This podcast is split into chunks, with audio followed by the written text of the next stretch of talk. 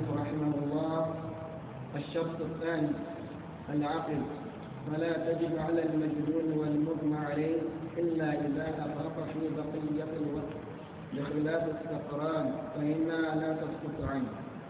الثالث البلوغ وعلاماته خمس الاحتلام والإنبات والحيض والحمل وبلوغ السن وهو خمسة عشر عاما وقيل سبعة عشر عاما فلا تجب على الصبي ويؤمر بها للسبع ويضرب عليها العشر. وإن صلى ثم بلغ في بقية الوقت أو في أثناء الصلاة لزمته الإعادة خلافا للشافعي. الرابع. الحمد لله والصلاة والسلام على رسول الله محمد بن عبد الله وعلى آله وصحبه ومن والاه وبعد. السلام عليكم ورحمة الله وبركاته. يقول المصنف رحمه الله الثاني العقل. العقل هو إدراك الأشياء على حقيقتها بالجملة. ومظهره التمييز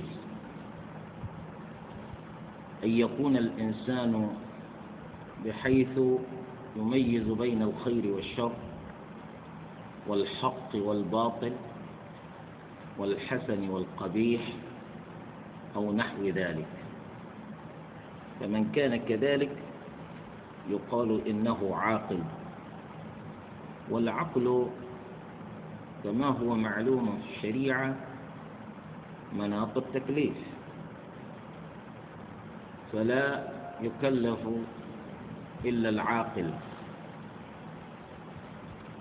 فبالعقل يكلف الإنسان بالطهارة والصلاة. فالعقل شرط من شروط وجوب الطهارة كما أنه شرط من وجوب الصلاة. شرط من شروط وجوب الصلاة. فإذا تقرر أن العقل شرط من شروط وجوب الصلاة فمن لا يتحلى به فلا يكلف بالصلاة ولا بالطهارة وما شاكل ذلك. فالمجنون مثلا الذي هو فاقد عقله هذا لا يكلف بشيء من التكاليف. أي لا يكلف بشيء من ذلك لأنه يفقد مناط التكليف. ولأجل هذا جاء في حديث النبي صلى الله عليه وآله وسلم الذي يرويه أصحاب السنن منهم أبو داود وغيره أن النبي صلى الله عليه وآله وسلم يقول رفع القلم عن ثلاث. وذكر منهم المجنون حتى يفيق. فالمجنون حال جنونه لا يكلف إلا إذا أفاق وزال عنه ما به من جنون. فلذلك لا يوجه الخطاب إلى المجنون. فإذا رأيت أحدا يوجه خطابا تكليفيا لمجنون فثق أنه إما أن يكون نائما وإما أن يكون مجنونا مثله. لأن العقل مناط التكليف. وقوله صلى الله عليه وآله وسلم رفع القلم عن ثلاث معنى هؤلاء لا يوجه بالخطاب إليهم. لا يوجه بالخطاب التكليفي إليهم. فما يصدر من هؤلاء الثلاثة المذكورين في الحديث الذين من بينهم المجنون يكون عفوا. اللهم إلا إذا كان ما صدر منهم جناية إذا كان ما صدر منهم جناية فإذا كانت جناية فإن ولي هؤلاء يكلف بدفع الأرش. أما أن يكلفوا بشيء من العبادات فلا.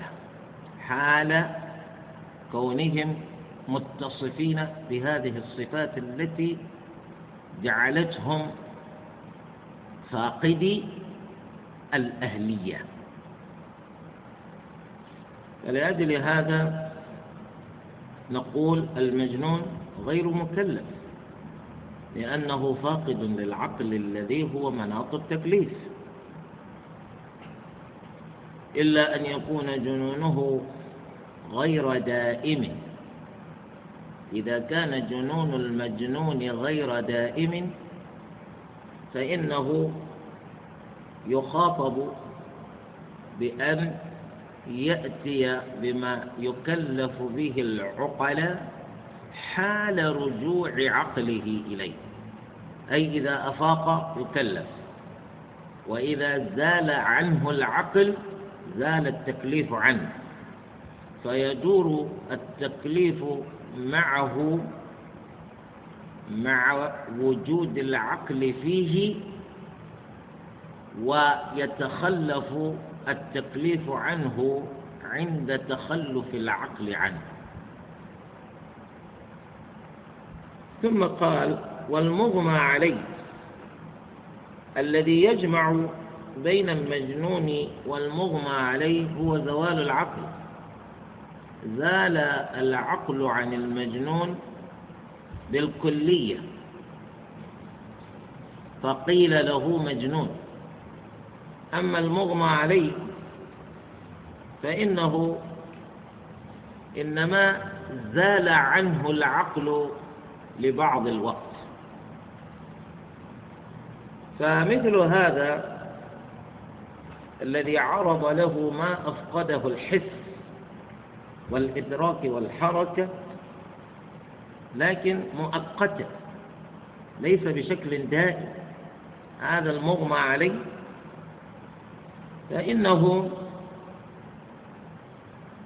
هل يزول عنه التكليف أو لا يزول عنه التكليف حال إغمائه؟ خلاف بين العلماء.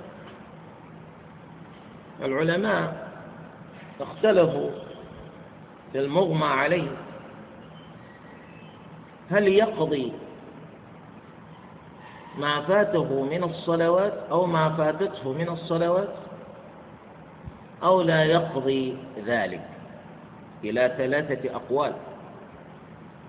قولان وتفصيل.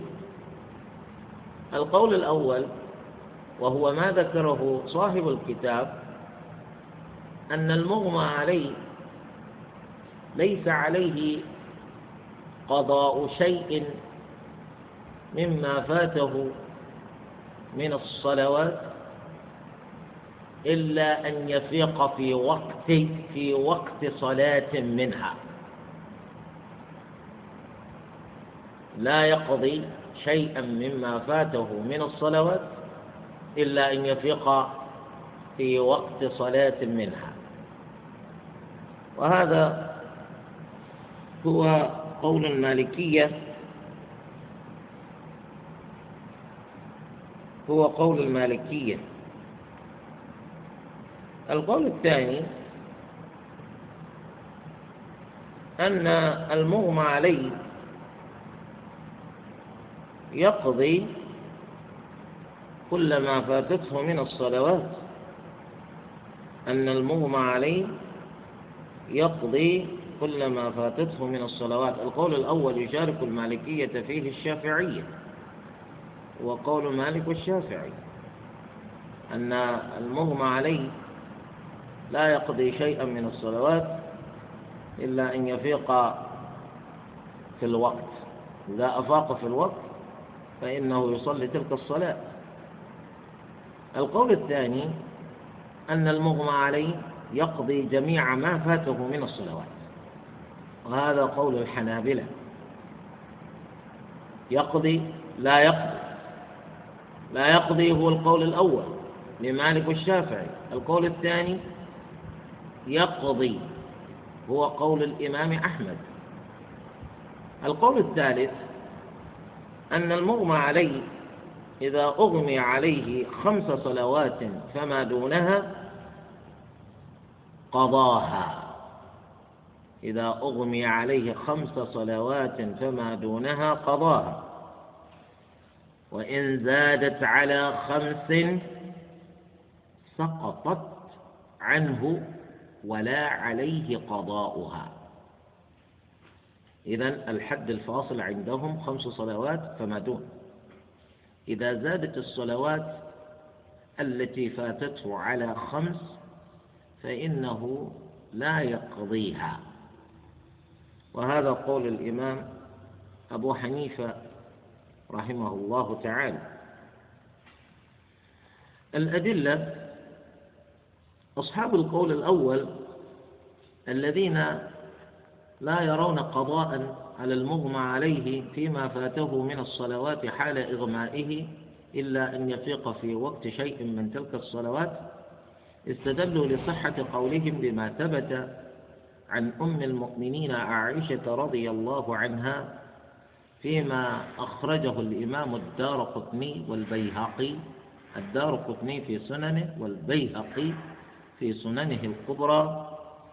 أنها قالت المغمى عليه ليس في ذلك قضاء إلا أن يغمى عليه فيفيق في وقتها فيصليها. وهذا نص من عائشة على أن المغمى عليه لا يقضي شيئا مما فاته من الصلوات إلا أن يفيق في الوقت. فإذا أفاق في الوقت قضى الصلاة التي هي ذات الوقت. لكن تعقب بأن هذا الحديث ضعيف لأنه يوجد في إسناده راو اسمه الحكم ابن عبد الله بن سعد الأيلي. وهذا الراوي مطعون فيه. فمما قيل فيه طعنا قول الإمام أحمد يقول فيه أحمد أحاديثه موضوعة. أحاديثه موضوعة. فإذا كان ذلك كذلك لم تقم بهذا الأثر حجة. نبحث عن دليل آخر. استدلوا من المعقول لأن الإغماء زوال عقل من غير سكر ولا نوم. أشبه الجنون. زوال عقل من غير سكر ولا نوم. أي العقل إنما زال عن المغمى عليه لا لأنه شرب مسكرا ولا من أجل أنه نام. فهو لا يشبه النوم ولا يشبه السكر. فهو أشبه ما يكون بالجنون. والمجنون مرفوع عنه القلم وهو ليس مطالبا بقضاء ما فاته حال جنونه من التكاليف فكذلك المغمى عليه. فهو ليس كالنائم وليس كالسكران لأن النائم مطالب بقضاء ما فاته حال نومه. فقد جاء في حديث النبي صلى الله عليه وآله وسلم أنه يقول من نسي صلاة أو نام عنها فليصليها إذا ذكرها فإنه لا كفارة له إلا ذلك. والسكران الذي زال عنه العقل بسبب السكر هذا موجه إليه الخطاب بأن يقضي ما فاته حال سكره إذا عاد إليه عقله وفارق بذلك المغمى عليه.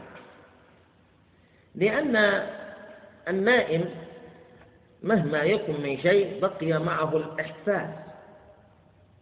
والسكران لا يزال يحس بخلاف المغمى عليه فإن الإحساس قد زال عنه مؤقتا بسبب الإغماء. فيقولون لا يقضي أصله المجنون لكن تعقب بأن قياس المغمى عليه على المجنون قياس لا يخلو من فرق وهو قياس يعتريه قادح الفارق والقياس إذا اعتراه قادح الفارق لم لم تنهض به الحجة. ما وجه الفرق بين المغمى عليه والمجنون؟ هو أن الجنون تطول مدته بخلاف الإغماء غالبا. ثم مع الجنون لا يلزم شيء من التكاليف بخلاف الإغماء. لأن المغمى عليه مطالب بقضاء الصوم. والمجنون ليس مطالبا بقضاء ما فاته من الصيام. ثم الجنون لا يجوز على الأنبياء بخلاف الإغماء. فالإغماء أخف من الجنون. نبي من الأنبياء قد يغمى عليه قد يغشى عليه. أما أن يصاب بالجنون لا إذا بينهما فرق. ولذلك كذلك المجنون تثبت الولاية عليه. أما المغمى عليه لا تثبت الولاية عليه. نقول أما هذا أيضا فيه مبالغة. لماذا؟ لأن الولاية إنما ثبتت على المجنون لأن مدة الجنون كما سبق أن ذكرنا تطول. فاحتاج المجنون إلى ولي يرعى أمره ويقوم عليه. بخلاف المغمى عليه فإن وقت الإغماء قصير جدا. فمثل هذا لا يحتاج إلى أن, أن, أن نجعل له أحدا وليا. فلذلك نقول على كل حال قياس الإغماء على الجنون لا يخلو من فرق. والفرق قادح من قوادح القياس. والقادح إذا وجد فإن القياس لا تنهض به الحجة. كذلك دليل آخر لأصحاب القول الأول قالوا ورد عن جمع من الصحابة أنهم أغمي عليهم ولما أفاقوا وقد فاتتهم صلوات حال إغمائهم. ولما أفاقوا ما قضوا شيئا من تلك الصلوات. لما أفاقوا ما قضوا شيئا من تلك الصلوات. فهذا دليل على أن الإغماء لا يقضى معه شيء مما فات صاحبه من الصلوات. لكن هذا يعقب لأنه يوجد أشخاص آخرون من الصحابة أغمي عليهم ولما أفاقوا قضوا ما فاتتهم. قضوا ما فاتهم من الصلوات. إذا لو كان ذلك كذلك فهذا الدليل نقول يبقى معلقا لأنه لم تتمحض أو لم يتمحض دليلا على المدعى لأنه يوجد في الطرف الآخر بعض الصحابة الذين أغمي عليهم وقضوا ما فاتهم من الصلوات. دليل القول الثاني الذين يلزمون المغمى عليه بقضاء جميع ما فاته من الصلوات وهم الحنابلة استدلوا لصحة ما ذهبوا إليه بما أخرجه أبو بكر ابن أبي شيبة رحمة الله عليه في مصنفه أن عمار بن ياسر رضي الله عنه أغمي عليه في الظهر والعصر والمغرب والعشاء فلم فأفاق في نصف الليل. فقضاها فقضاهن. وهذا الأثر ثابت أن عمار بن ياسر أغمي عليه في الظهر والعصر والمغرب والعشاء وأفاق نصف الليل فقضى تلك الصلوات كلها. وجاء في الأثر في أثر آخر أن عمر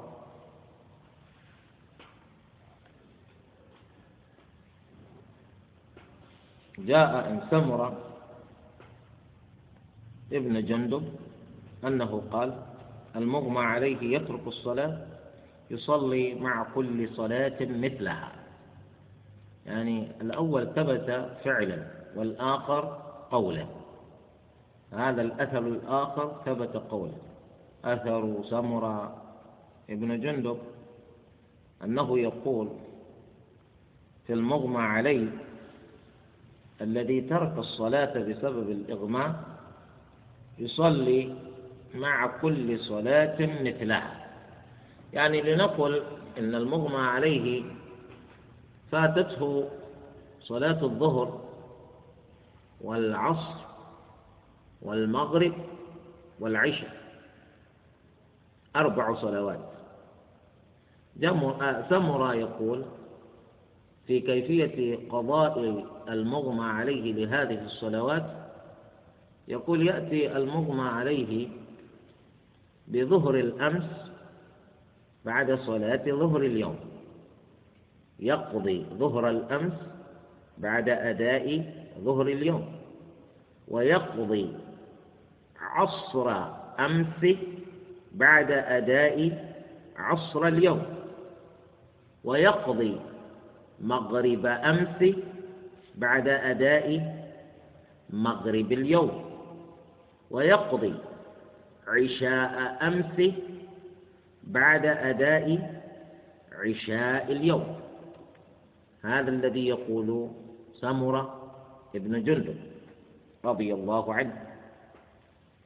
لكن قال عمران بن حسين وهو صحابي آخر ليصليهن جميعا ليصليهن جميعا.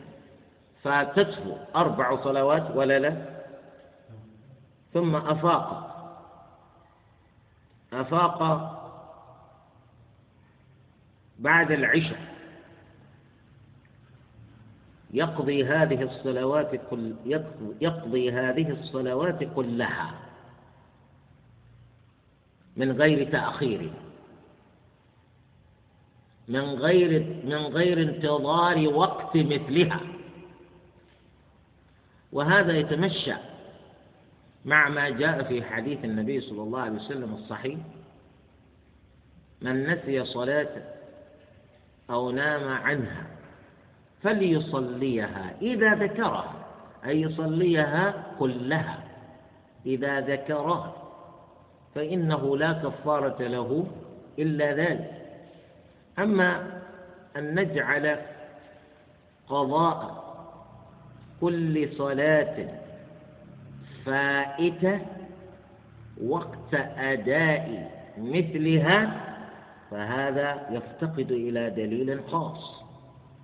لأن الدليل الذي جاء وقد ذكرته يدل على أن الإنسان لا يؤجل قضاء ما فاته من الصلوات لأنه لا يدري ماذا يطرأ عليه. في حياته ماذا يمكن أن يحدث لك بعد الآن؟ أنت لا تدري. لا سيما والنبي صلى الله عليه وسلم يقول في آخر الحديث فإنه لا كفارة له إلا ذلك. ولما تبين بهذا الحديث أنه لا توجد كفارة لمن ترك صلاة نسيانا أو من أجل النوم إلا بالإتيان بتلك الصلاة. فور تذكره أو فور استيقاظه من ذلك النوم علمنا أنه لا يجوز له أن يؤخر القضاء بأن يجعل كل صلاة فاتته في وقت مثلها من الصلوات التي يؤديها بعد. فلذلك يكون كلام عمران بن حسين أدق وأوجه لأنه يقول يصليهن جميعا في وقت واحد من غير تأخير لأنه ليس قابلا للتأخير. هذا هو. آه ومن جهة المعنى أي بالمعقول قالوا أن الصلاة لا تسقط بالإغماء. كسائر العبادات. أي الإغماء لا يكون سببا. تسقط العبادات به شرعا.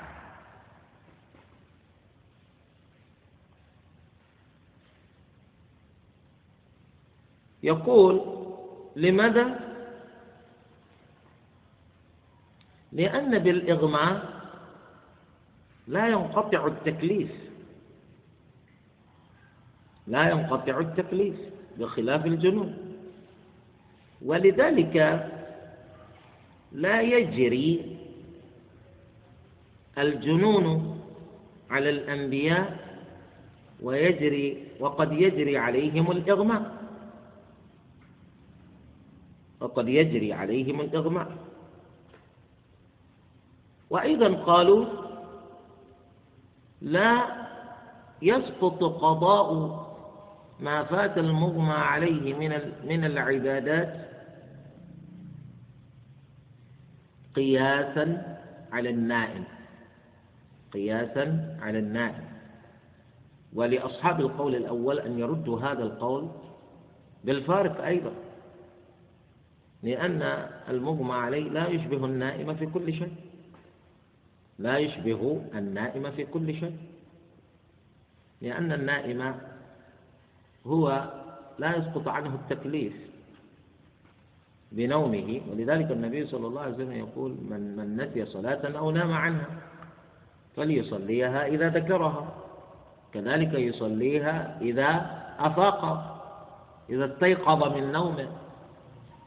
فإنه لا كفارة له إلا ذلك بخلاف المغمى عليه. فهو محل خلاف. ثم إن النائم إذا أوقظ استيقظ بخلاف المغمى عليه. إذا أقيم لم يقم حتى يقيمه الله. بينهما فرق. فهو قياس لا يخلو من قادح الفرق. وقادح الفارق من القوادح المؤثرة في القياس سلبا فلا تنهض به الحجة كذلك. القول الثالث الذين فرقوا بين أن يكون عدد الصلوات التي تركها الإنسان بسبب إغمائه خمس صلوات فما يزيد فقالوا إذا كانت الصلوات خمسة خمسا فما دون يقضيها. أما إذا زادت على خمس فلا يقضيها. وهو الإمام أبو حنيفة رحمه الله استدل لما ذهب إليه بأثر أثر عن علي بن أبي طالب رضي الله عنه رضي الله عنه أنه أغمي عليه أربع صلوات. أربع صلوات. والحد الأقصى الذي يكون القضاء معمولا به في عند الإمام أبي حنيفة خمس صلوات. وهذا علي بن أبي طالب أغمي عليه أربع صلوات فقضاهن. أقول هذا دليل على أن من أغمي عليه ففاته خمس صلوات فما دون يقضيهن قالوا هذا الأثر لا حجة فيه لأن الاحتجاج بالآثار يعتمد اعتمادا كليا على ثبوتها. فإذا كان الأثر غير ثابت فلا وجه لأن يستدل به مستدل. قالوا هذا الأثر ليس معروفا ليس معروفا في كتب الحديث. والحمد لله فكيف تستدلون بشيء لا يعرف؟ كيف تستدلون بشيء لا يعرف في كتب الحديث. ثانيا قالوا إن عمار بن ياسر رضي الله عنه أغمي عليه يوما وليلة فقضاهن أي فقضى صلواتهن صلوات الليل والنهار. فقضى تلك الصلوات. وهذا رواه الإمام ابن أبي شيبة يقول صلوات اليوم والليلة خمس صلوات أي أغمي عليه يوما كاملا. فقضى ما فاته من صلوات ذلك اليوم. كذلك يرويه الإمام عبد الرزاق الصنعاني في كتابه المصنف لكنه أثر ضعيف. ضعف في الجوهر النقي. في الجوهر النقي. حاشية السنن الكبرى للإمام, للإمام البيهقي. ضعف هذا الأثر فيه. وروي عن ابن عمر رضي الله عنه أنه أغمي عليه ثلاثة أيام ولياليهن فلم يقضي. وهذا دليل على أن من أغمي عليه مدة فاتته فيها أكثر من خمس صلوات فلا قضاء عليه. هذا يرويه عبد الرزاق الصنعاني والدار قطني والبيهقي. إذا أمعنا النظر في الأدلة التي استدل بها أصحاب الأقوال الثلاثة السابقة نجدها آثارا وأدلة من المعنى والآثار منها كلها موقوفة على أصحاب النبي صلى الله عليه وآله وسلم. فالباب لم يستدل. هؤلاء العلماء فيه بشيء بحديث مرفوع إلى النبي صلى الله عليه وآله وسلم. بل قد جنح الحنابلة إلى القول بأن وجوب قضاء المغمى عليه لما فاته من الصلوات هو إجماع من الصحابة لأنه ثبت عن عمار بن ياسر, وجاء ما يؤيده قولا عند سمرة ابن جندب كذلك عمران ابن الحصين ولم نعرف لهم مخالفا من الصحابة فكان إجماعا. هكذا يرى الحنابلة. فنقول هذه المسألة ليس يوجد فيها أثر مرفوع إلى النبي صلى الله عليه وسلم ولا إجماع. غاية ما يوجد في هذه المسألة آثار موقوفة على أصحاب النبي صلى الله عليه وسلم والمعلوم أن الصحابة المقرر في علم الأصول أن الصحابة رضوان الله عليهم إذا اختلفوا في مسألة من المسائل العلمية إلى أقوال. فإننا ننظر إلى مؤيدات كل قول قول من تلك الأقوال. فنرجح قولا على الآخر بدليل لا بهوى. اللهم إلا إذا كان ما ورد عن الصحابة في المسألة قول واحد فقط من غير أن نعلم لقائل ذلك القول مخالفا من الصحابة فنقول إن ذلك القول ينزل منزلة الإجماع السقوطي. وليس الأمر كذلك هنا.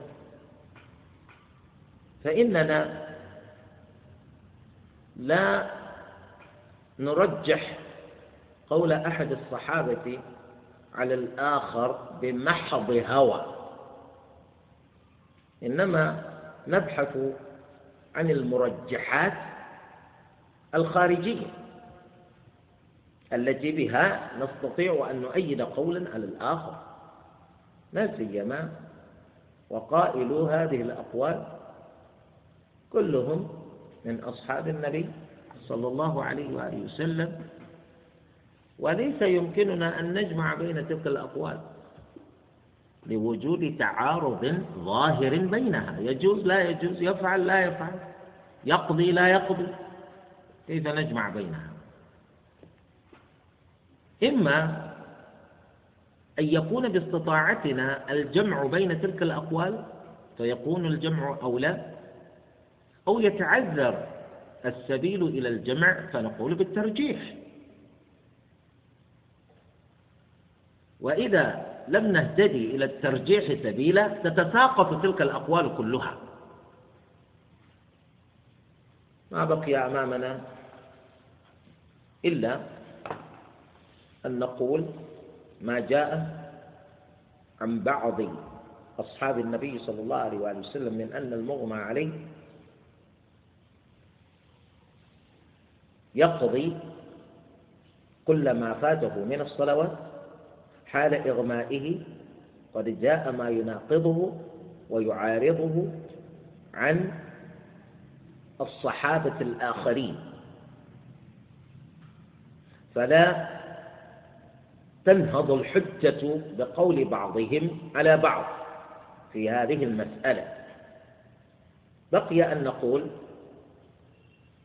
الذي يترجح عندنا والعلم عند الله تعالى أن المغمى عليه لا يقضي لا يقضي شيئا مما فاته من الصلوات حال إغمائه.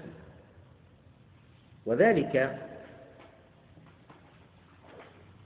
لأنه حال إغمائه هو فاقد الإحساس.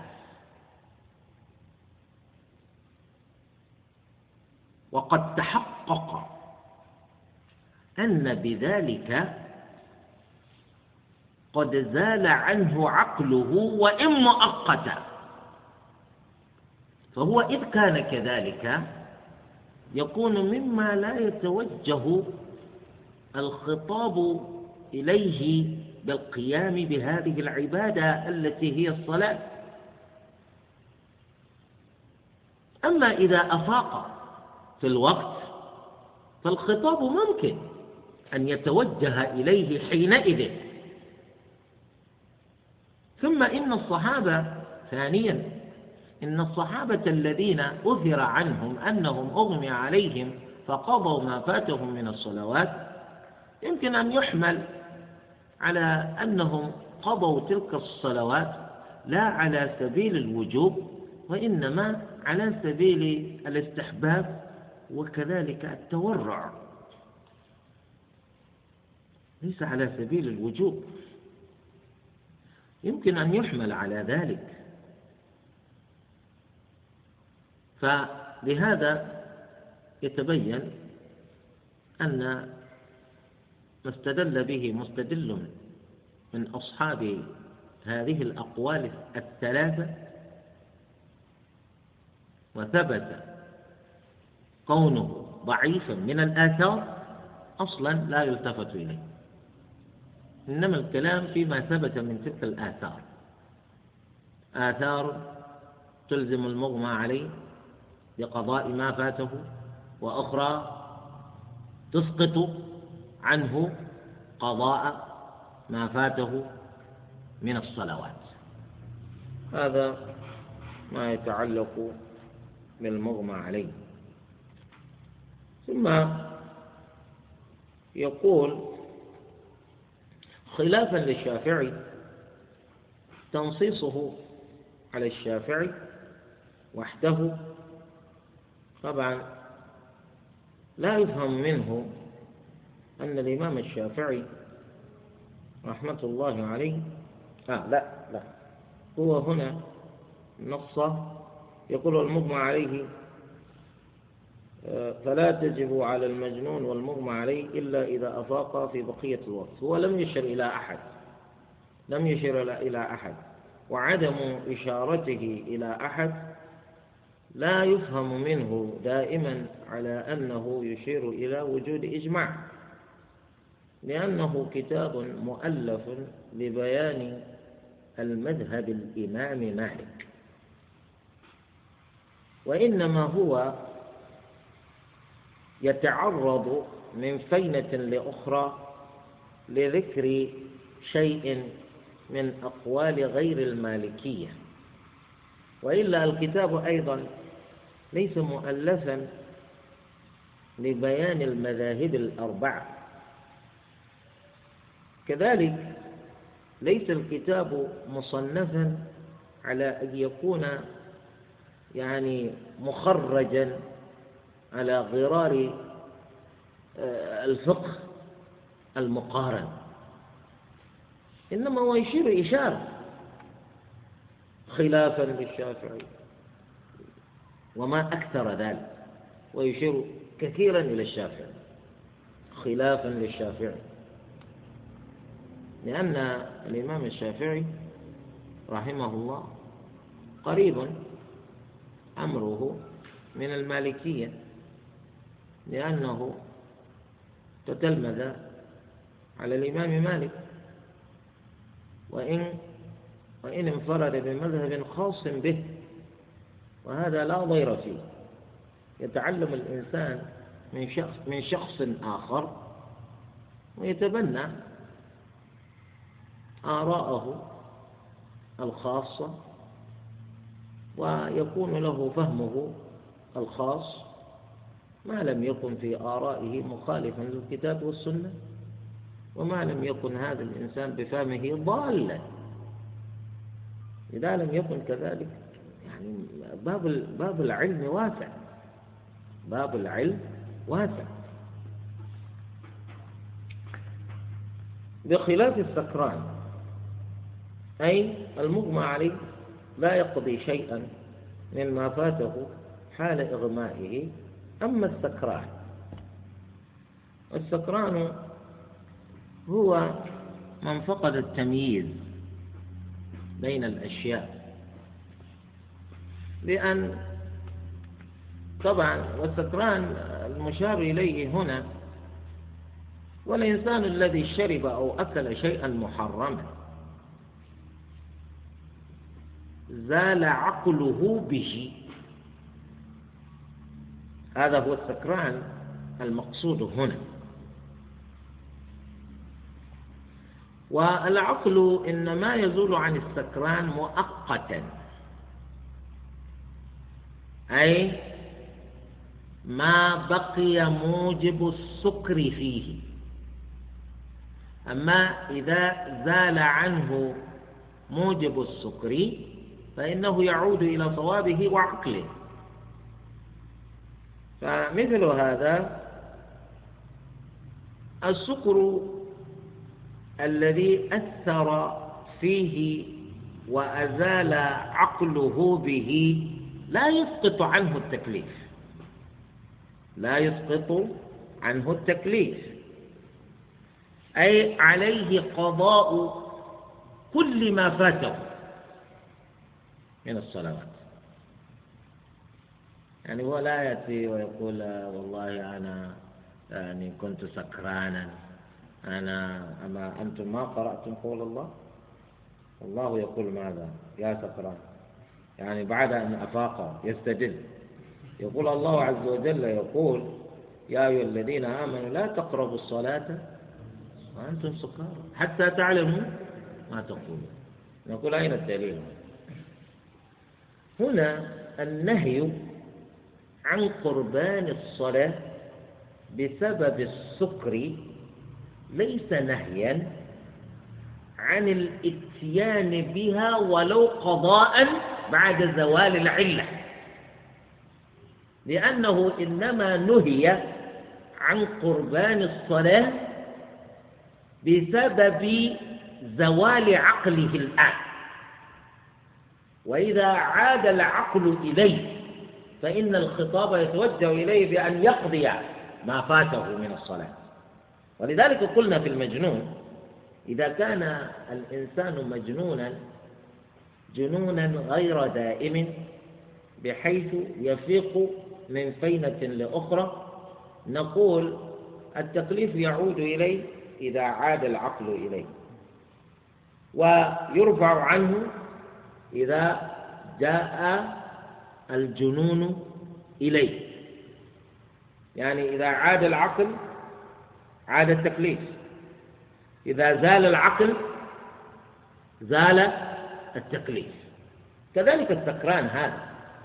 هو ليس مطالبا بالقيام بالصلاة وهو سكران. أما إذا زال السكر عنه فإنه مخاطب بأن يقضي ما فاته من الصلاة. بل قد نص الله على ذلك في نفس الآية. ربنا يقول يا أيها الذين آمنوا لا تقربوا الصلاة وأنتم سكار حتى تعلموا ما تقولون. إذا هذا الأمر ينتهي بهذه الغاية. إذا علمتم ما تقولون ومتى يعلم السكران ما يقول إنما يعلم السكران ما يقول بعودة العقل إليه. إذا لا حجة للسكران في ترك قضاء ما فاته من الصلاة حال سكره. ثم سكران هذا كيف يكون معذورا؟ بألا يخاطب بقضاء ما فاته من الصلوات والنائم والناس غير معذورين. هل نع هل هل هل هل نعذر النائم؟ هل نعذر الناس؟ نقول بسبب أنك نائم فقد فاتك فاتتك هذه الصلاة فلا تقضيها. إذا استيقظ من من يقول له هذا؟ هل نقول بسبب أنك نائم؟ لا تقضي تلك الصلاة لأن النوم عذر. النوم والنسيان من الأعذار المقبولة شرعا. ومعهما لا يسقط التكليف عن المكلف. فما بالك بالسكر؟ فنقول كيف نستدل؟ نقول إذا كان القضاء إذا كان قضاء ما فات من الصلوات واجبا على الناس والنائم كان إيجابه على السكران من باب أولى. كان إيجابه على السكران من باب أولى. هذا هو. ثم انتقل إلى الحديث عن الشرط الثالث. والشرط الثالث عبر عنه بالبلوغ. فالبلوغ المقصود به انتهاء مرحلة الصغر. انتهاء مرحلة الصغر أي انتهاء مرحلة عدم التكليف. والدخول في مرحلة التكليف. هذا الذي يقصد بالبلوغ. يقال إن الإنسان بالغ لأنه انتقل من مرحلة عدم التكليف إلى مرحلة التكليف. وهذا الشرط كما يشير المؤلف من شروط وجوب الطهارة والصلاة معا. فالبالغ هو الذي تجب عليه الصلاة وتجب عليه الطهارة. فأنت لا توجب الصلاة أو لا تخبر لأنك لا توجب من نفسك. لا تخبر بوجوب الصلاة من ليس بالغا. ولا تخبر من ليس بالغا بإيجاب الله الصلاة والطهارة عليه. لأن الصلاة والطهارة لا تجبان إلا على البالغ. إذا فهمنا هذا نقول البلوغ له علامات. البلوغ له علامات. وذكر المصنف بأن علاماتها خمس. وهذه العلامات هي الاحتلام. الاحتلام. وهذه العلامة يستوي فيها الذكر والأنثى. وذلك أن يرى الولد الذكر في نومه أنه يجامع أنثى امرأة فيخرج المني منه بموجب ذلك. كذلك المرأة ترى في نومها أن الرجل أن رجلا يجامعها. فترى بذلك ما يرى الرجل. فيستدل بهذا على أن كل واحد منهما قد بلغ. وذلك للأدلة الآتية ربنا عز وجل يقول في سورة النور وإذا بلغ الأطفال منكم الحلم فليستأذنوا كما استأذن الذين من قبلهم. فربنا عز وجل علق إيجاب الاستئذان على الأولاد ببلوغهم الحلم.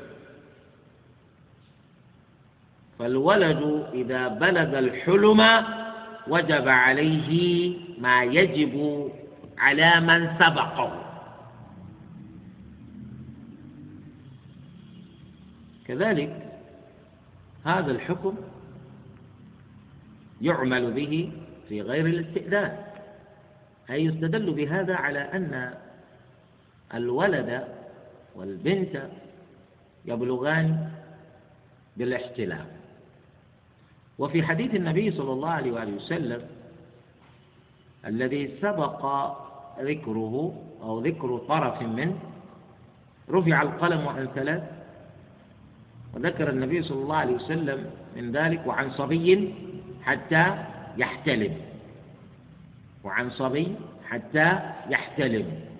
فالصبي الصغير مرفوع عنه القلم حتى يحتلم.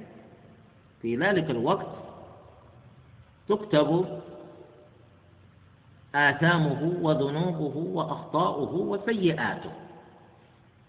أما قبل ذلك تكتب له الحسنات ولا تكتب له السيئات.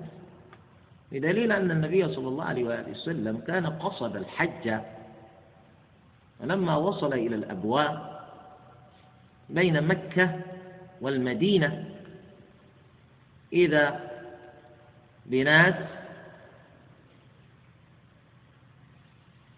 متوجهين إلى المكة استقبلوا النبي صلى الله عليه وآله وسلم في ذلك الوقت في ذلك المكان ولما علموا أنه النبي صلى الله عليه وآله وسلم سألوه أسئلة ومن بين أسئلتهم أن امرأة رفعت إلى النبي صلى الله عليه وآله وسلم طفلا قائلة أو لهذا حج. فقال النبي صلى الله عليه وسلم نعم ولك أجر. أي له حج. ولك أجر الإحجاج به. الولد هذا يأخذ أجر حجه وأنت تأخذين أجر الإحجاج به. هذا يفهم منه أن الصبي الذي لما يبلغ بعد إذا قام بشيء من أعمال العبادة قبل وجوبه عليه فإنه يؤجر. كما يؤجر وليه الذي مرنه على ذلك. هذا من فضل الله ورحمته. أما السيئات والذنوب والأخطاء لا تكتب للإنسان حتى يبلغ. هذا بفضل الله ورحمته. اللهم إلا إذا كان ذلك أرشا للجناية إذا كان الإنسان جنى على غيره طبعا وليك يدفع أرشا كذلك الإنسان إذا أتلف مالا لغيره فإنه يدفع عنه وليه قيما لتلك المتلفات. يعني واحد لا يتعذر بأنه صبي يأتي يكسر لك زجاج سيارتك ويتذرع بأنه هذا صبي يا شيخ. أنت تريد أن تأخذ ماذا من الصبي. اتركه يا أخي. أنت ما عندك ولد ما عندك طفل ها؟ كن رحيما يا رجل. يقول نعم أنا رحيم ولكنني أريد أن آخذ قيمة ما أتلفه ولدك. والذي يخاطب بدفع هذه القيمة وليه. فهمتم؟ الولد هذا لا تكتب سيئاته. ولا تكتب ذنوبه. مرفوع عنه القلم ليس كأن يتلف مال غيره. إذا أتلف مال غيره أو جنى على غيره فإن وليه يكون مسؤولا. إذا البلوغ علامته من علاماته الاحتلال. الاحتلال. قد رأينا دليلا لذلك من الكتاب ومن السنة. كذلك العلامة الثانية هي الإنبات.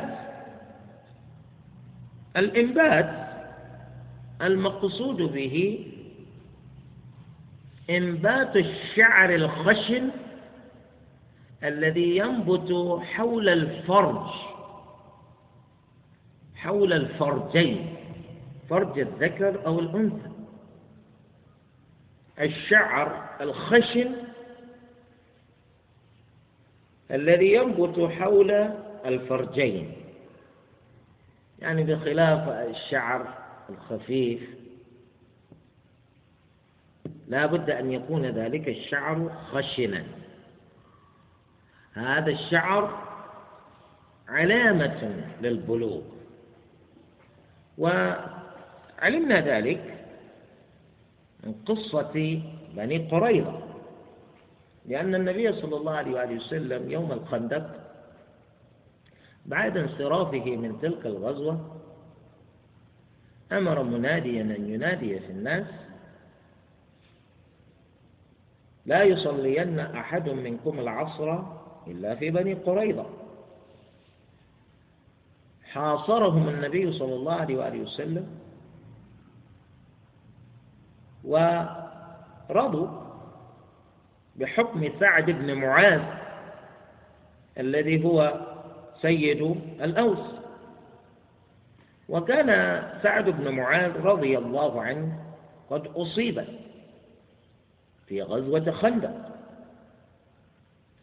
فأمر النبي صلى الله عليه وآله وسلم بالإتيان به فجيء به محمولا. على النعش. فأخبره النبي صلى الله عليه وسلم بأن هؤلاء القوم أخبروا بأن لهم حلفا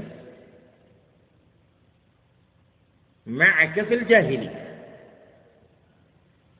وأنهم رضوا بحكمك. بحكمك فيهم. فحكم سعد بن معاذ بأن يقتل مقاتلوهم ويصبى ذراريهم ونساؤهم.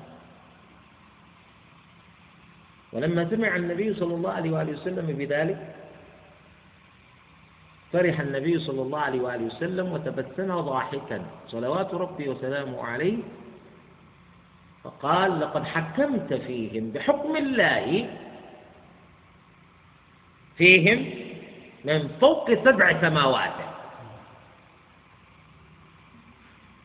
فأعملوا في رجالهم السيوف قتلا. ولما وصلوا إلى صباهم. صبيا إلى إلى صغارهم. احتاجوا إلى ما به يميزون بين من بلغ ومن لم يبلغ. لأننا نريد أن نقتل المقاتل الذي يستطيع أن يحمل السلاح. ولا نريد أن نقتل الصبي. فأمر النبي صلى الله عليه وسلم بأن ينظروا في عانته. من أنبت منهم شعر العانة اقتلوه. ومن لم ينبت شعر العانة فاتركوه. فعلمنا أن شعر العانة نباته دليل على البلوغ. هذا هو. العلامة الثالثة الحيض.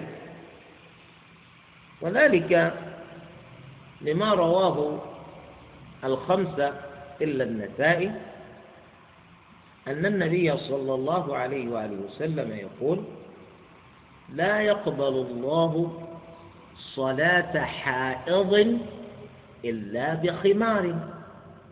لا يقبل الله صلاة حائض إلا بخمار.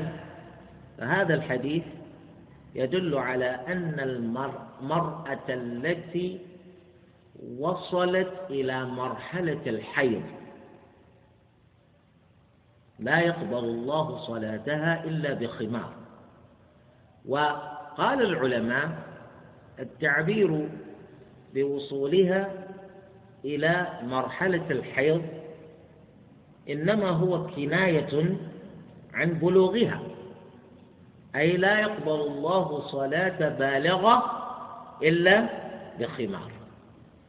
وهذا الحديث صححه الإمام ابن خزيمة والشيخ الألباني. ابن خزيمة صححه في صحيح وصححه الألباني كذلك. إذا المرأة إذا حاضت بلغت أي لا يمكن أن تحيض إلا وقد بلغت. كذلك العلامة الرابعة الحمل. أكرمكم الله. الحمل علامة من علامات البلوغ وقد جاء في الأثر أن عمر بن الخطاب رضي الله عنه ذكر شيئا من هذا أن الحد يعني يقام على الإنسان الذي زنى إما بالإقرار وإما بالبينة وإما بالحمل. يعني إذا أقر الإنسان على نفسه بأنه زنى فإنه لا يطالب بالبينة. أنت تقول أنا سرقت ويقال لك آه، من هم الشهود؟ الذين يشهدون بأنك سرقت. يا أخي الإقرار سيد الأدلة. كذلك البينة. يعني أربعة شهداء شهدوا بأن فلانا زنى بفلانا زنى بفلانة وأنهم رأوا ذكره في فرجها كالمرود في المقحلة. نقول نعم إذا الحد يقام عليه يقام على الزاني والزانية. أو حمل أو يكون حملا. المرأة هذه حملت الحمل لا يمكن أن تعلق أن أن أن أن أن أن أن أن أن أن, أن يعلق نفسه بالإنسان بدون سبب السبب هذا يكون يعني لقاء بين رجل ومرأة هذا الذي عنه يتسبب الحمل لا وجود لجماع فكيف تحمل المرأة هناك حكايات حكايات غريبة. نحن لسنا بصدد ذكر شيء من تلك الحكايات الغريبة إنما نتكلم عن الحقائق. يعني أن المرأة كيف يمكنها أن تحمل دون أن يمسها رجل؟ مثل ما تقول أم نبي الله عيسى عليهما السلام تقول قالت أن يكون لي ولد ولم يمسسني بشر.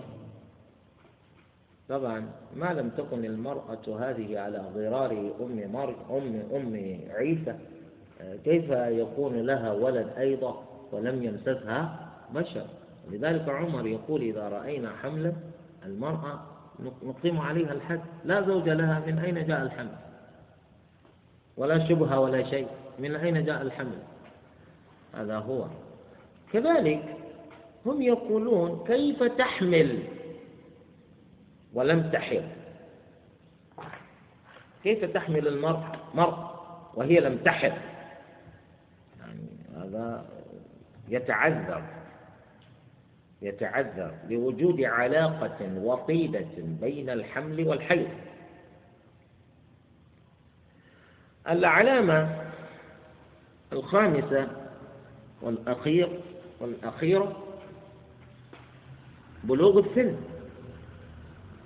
والمقصود ببلوغ السن هنا خلاف أيضا بين الفقهاء أقوال. من هذه الأقوال أن السن الذي به يكون الإنسان بالغا طبعا الكلام عن السن لا يأتي إلا إذا لم يبلغ الإنسان بشيء من هذه العلامات المذكورة سلفا الإنسان لم يحتل. ثم إن هذا الإنسان لم ينبت شعر شعر العانة. كذلك طبعا يشترك فيهما الذكر والأنثى. الاحتلام وإنبات شعر العام. بلوغ السن لا. ثم ثالثا الحيض. تختص به المرأة دون الرجل. أرأيت في حياتك رجلا يحيض؟ ها؟ كمجرم يقول أعذروني يا جماعة فإني لا آتي إلى المسجد لأني يعني حائض. يا أخي. ولذلك في اللغة العربية لا يقال للمرأة حائضة. يقال لها حائض. لأن الرجل لا يحيض حتى نضطر إلى أن نفرق بين الذكر والأنثى. مثل ما نقول امرأة حامل ولا نقول حاملة إلا ما يحدث الآن في الجامعات. في الجامعات في الدول العربية أن الطالب الذي لم ينجح في مادة من المواد لا في الدور الأول ولا في الدور الثاني. يقال إنه يحمل تلك المادة يحمل تلك المادة إلى السنة التي بعدها إلى السنة التي بعد هذه السنة. فتجد الطلاب يعبرون إذا وجهوا خطابهم إلى أمثال هؤلاء الطلاب الذين يحملون المواد. فيقال لهم رجال رجال رجال حاملون. أنت حامل؟ أو هذا اصطلاح خاص لا يجري مع اللغة العربية الفصحى. ولكن اصطلاح بين الطلاب اصطلحوا عليه. وهم يعرفون إذا أطلق هذا الاصطلاح ماذا يراد به. إذا لا يقال في اللغة في اللغة العربية حائضة ولا يقال حاملة وإنما يقال حائض ويقال حامل. كذلك أشياء أخرى. أشياء أخرى في اللغة العربية أنت لا تحتاج إلى أن تميز بين الذكر والأنثى في ذلك لأن المرأة هي التي يعتريها ذلك الشيء دون الرجل. إذا قلنا الحمل يختص تختص به المرأة كذلك الحيض. أما الاحتلام علامة مشتركة. كذلك الإنبات علامة مشتركة بين الرجل والمرأة. أما السن فهي علامة أيضا يشترك فيها الرجل والمرأة. وتحت السن أقوال. أي أقوال في تحديد السن. إذا إنما نلجأ إلى معرفة سن الشخص لمعرفة هل بلغ أو لم يبلغ إذا تأخرت تلك الألامات السابقة. لأن يكون الإنسان هذا لم يحتلم وقد تجاوز بعض السنوات التي نتوقع أن يحتلم فيها ما احتلم. لم ينبت شعر العانة وقد تجاوز مثلا الثانية عشرة من العمر. كذلك يكون تكون هذه المرأة ما حاضت ما حاضت وهي الآن في السن الثالثة عشر. أما الحمل لا لا لا نتكلم عن الحمل إذا تزوجت هذا يأتي الحمل. أما الحمل الذي انتشر في مجتمعاتنا الآن حمل الحرام حمل الزنا أعوذ بالله من الشيطان الرجيم. نسأل الله عز وجل أن يضع لنا حدا لهذه المصيبة. هي مصيبة استفحلت وعمت. تجد كثيرا من الرجال إنما يرغبون في الزنا لا يرغبون في الزواج الشرعي. فهم للأسف الشديد يعني كثير منهم يعني خبائث يعني يحبون الخبائث لأنهم خبيثون. الخبيثون يريدون ويحبون الخبائث. أما الطيبون فهم الذين يحبون الطيبات للأسف الشديد. المرأة تحمل خارج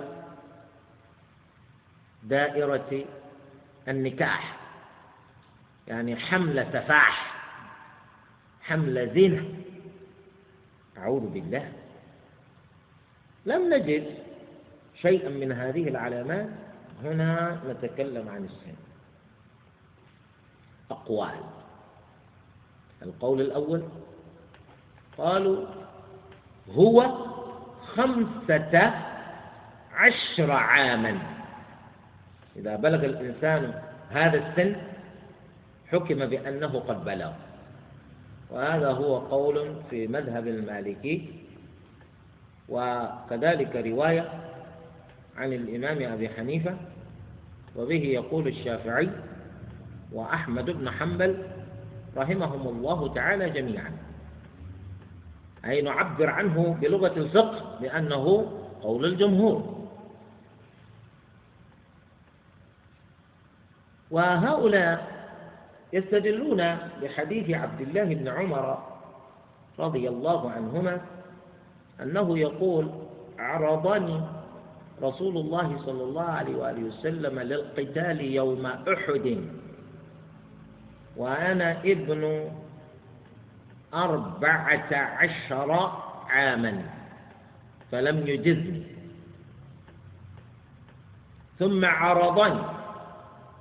لذلك يوم الخندق وأنا ابن خمسة عشر عاما فأجازني. فاستدل العلماء بهذا أن من بلغ سن خمسة عشر أمس خمسة عشر عاما فهو بالغ وهي بالغة. أي لا فرق في ذلك بين الذكر والأنثى. القول الثاني ذكره المصنف قال وقيل وقيل أحيانا في الفقه إذا عبر بصيغة التمريض إنما يريد المصنف بذلك إلى أن يقول هناك قول آخر. لا يريد أن يقول وهناك قول ضعيف. هذا في الفقه. إذا قال مصنف كتاب فقه وقيل إنما يشير إلى قول آخر في نفس المذهب. ليس يريد بذلك أن يضعف ذلك القول إنما هو يحكي يحكي قولا آخر في نفس المسألة. وليس يقول وهناك قول ضعيف. بخلاف ما نجد في علم الحديث أن آه، صاحب كتاب كالبخاري مثلا عنده آه، تعليقات في أول بعض الأبواب قبل أن يذكر الأحاديث المسندة يعلق. معلقات هذه قد يذكر حديثا معلقا بصيغة الجزم قال ابن عمر مثلا. وقد يذكر حديثا معلقا بصيغة التمريض. يقول وقيل. وكل هذا له معنى. إذا كان أمثال الإمام البخاري الذي هو من الجهابذة هو الذي قال هذا القول له معنى. في فرق بين أن يقول البخاري قال فلان وأن يقول قيل. مثلا الحديث الذي ترويه أم المؤمنين عائشة رضي الله عنها أن النبي صلى الله عليه وآله وسلم يقول من أحدث في أمرنا هذا ما ليس منه فهو رد. هذا حديث صحيح متفق عليه. من رواية البخاري ومسلم في صحيحيهما. ونحن دائما نقول وفي رواية لمسلم أن النبي صلى الله عليه وسلم يقول من عمل عملا ليس عليه أمرنا فهو رد. نفس هذا الحديث ذكره البخاري في صحيحه. ولكن ذكره غير مسند. إنما مسلم هو الذي ذكره مسندا ولذلك نقول وفي رواية لمسلم. ولنا أن نقول وذكره البخاري تعليقا بصيغة الجزم. بصيغة الجزم. يعني هو ذكره بصيغة التقوية. بصيغة بالصيغة التي تدل على أنه صالح الحجة وإن لم ترتقي يرتقي ذلك الحديث عنده إلى درجة الشروط التي وضعها للأحاديث التي يجعلها في مصنفه. يعني الشرط لم يتوفر لهذا الحديث على درجة شرط البخاري. ولذلك لم يخرجه في كتابه على أنه حديث مسند. ولكنه وفى بشروط مسلم. فأخرجه مسلم. ولذلك مسلم دون البخاري في شرط في, في, في, في, في, في الشرط الذي بموجبه يذكر الحديث في كتابه. لأن آه، البخاري يشترط اللقية. يقول لابد أن يلتقي هذا الشيخ مع الذي روى عنه. الذي يروي لابد أن يلتقي مع الشيخ الذي يروي منه. ليس أن يقول قال فلان وهو لم نتحقق أن اللقاء تحققت بينهم.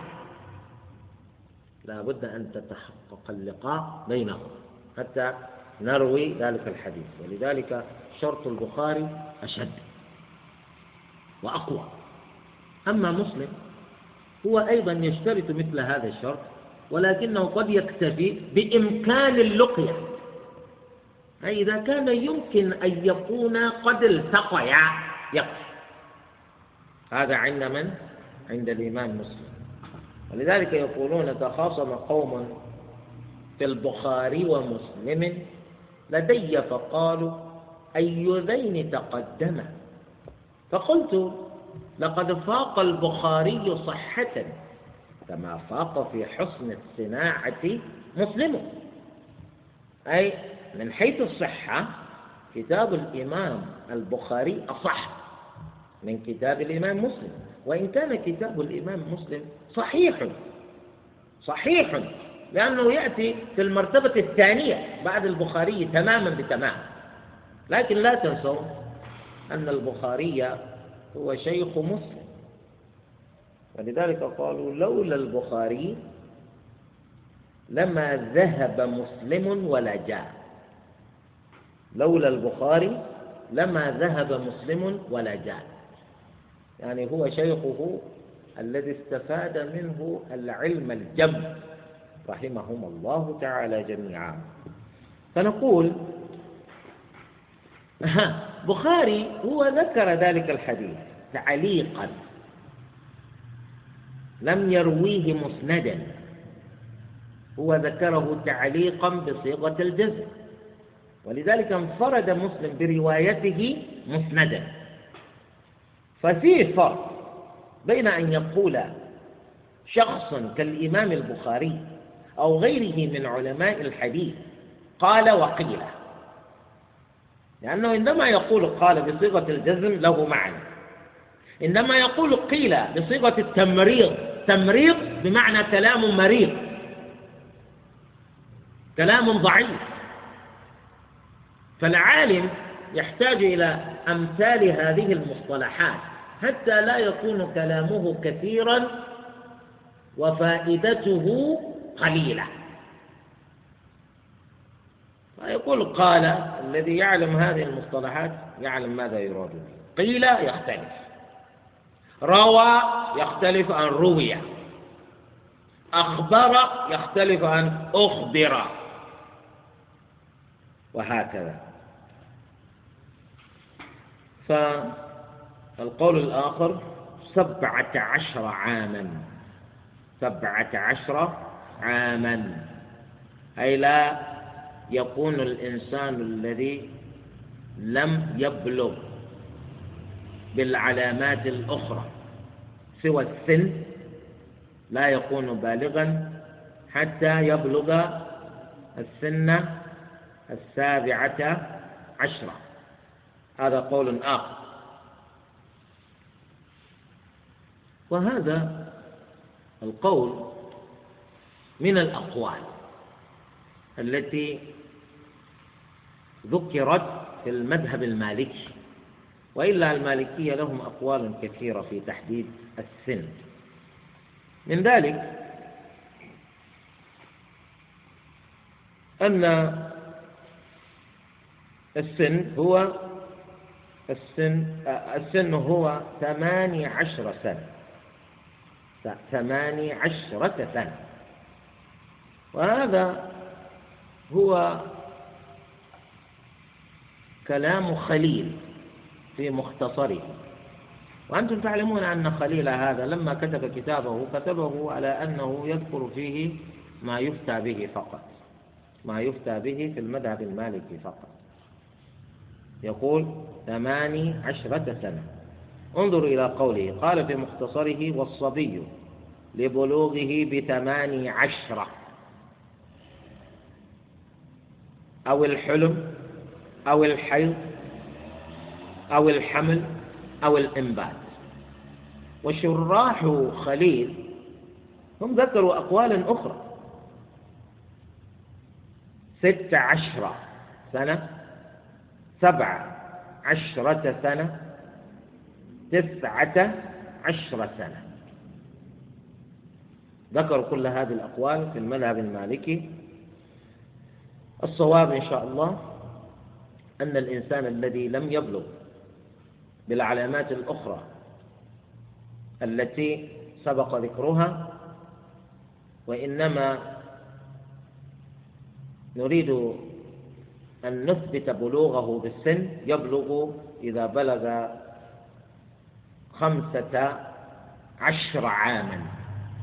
إذا بلغ خمسة عشر عاما فإنه يكون قد بلغ.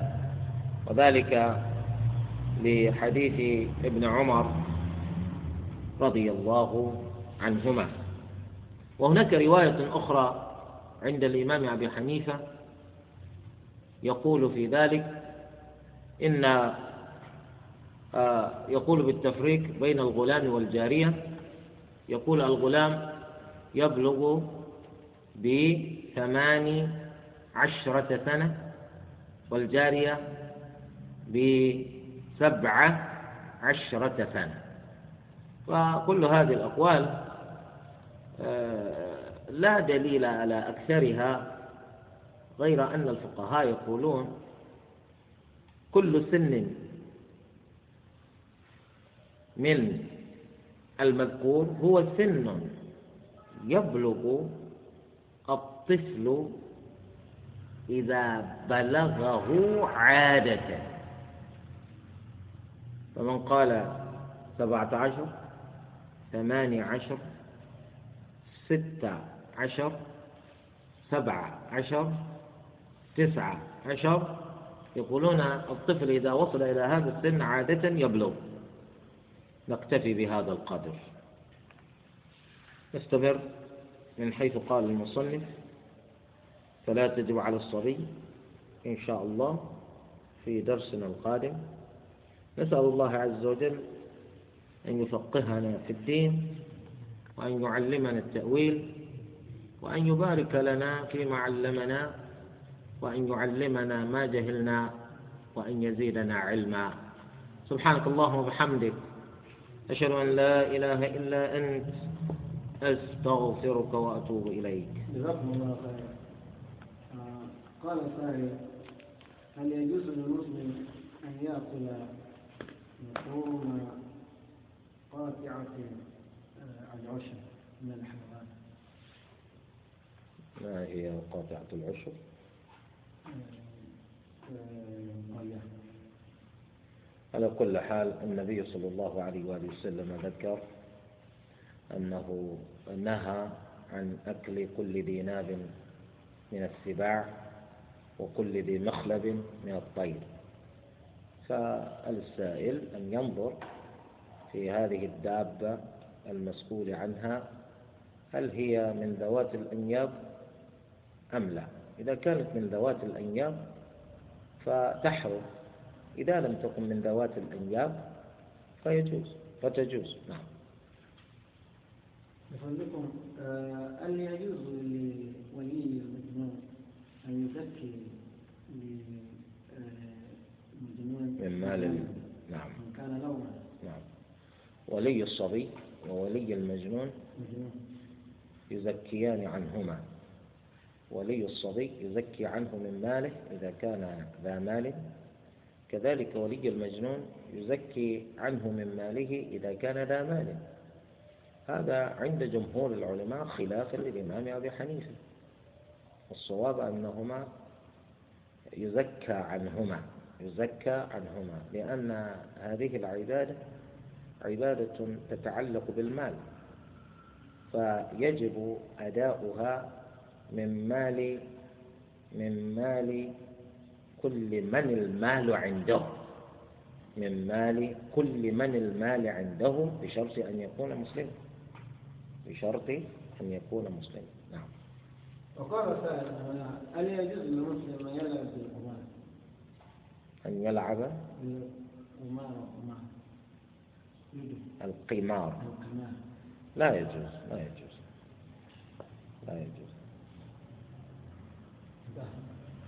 سبحانك اللهم وبحمدك أشهد أن لا إله إلا أنت أستغفرك وأتوب إليك.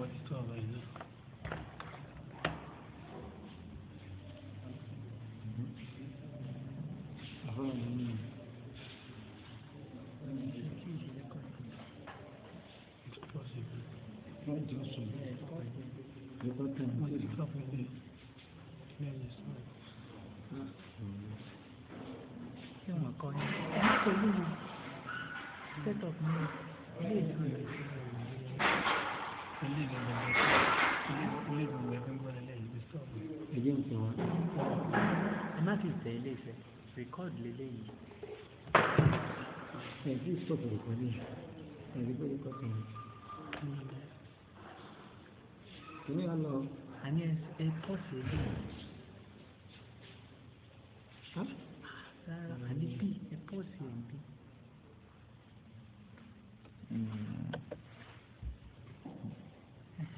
ẹyẹ. ìfẹ́ kú lọ ní tó bá ti lọ àní rékọ́dì wọn lò.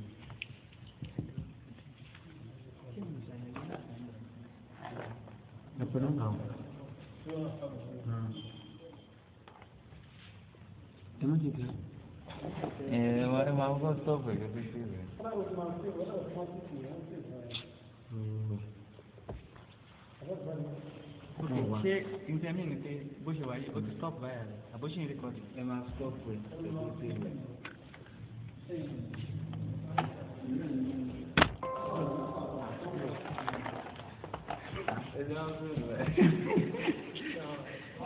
wọ́n máa ń tètè ṣe kí nìyẹn wọ́n máa ń tètè ṣe kí ṣe nǹkan tó máa ń báyà lọ. ṣé àbúrò yẹn tó máa ń ọ̀pẹ̀tẹ̀ wọn. wọ́n wà. wọ́n jáde tẹ̀lé has been saved locally. ìrẹ́lẹ̀ ìsìn ẹ wò bó ṣe ń lè dàbí. ẹ̀ máa yẹ yẹ ilé wa tẹ̀ náà nìyẹn ẹ máa ti wá tẹ̀ kí ló máa ṣẹlẹ̀. ẹ máa wá sí ìwé ó máa ó dàbí ohun fóònù mi yìí ẹ wá ṣé nǹkan náà yìí ó kì í.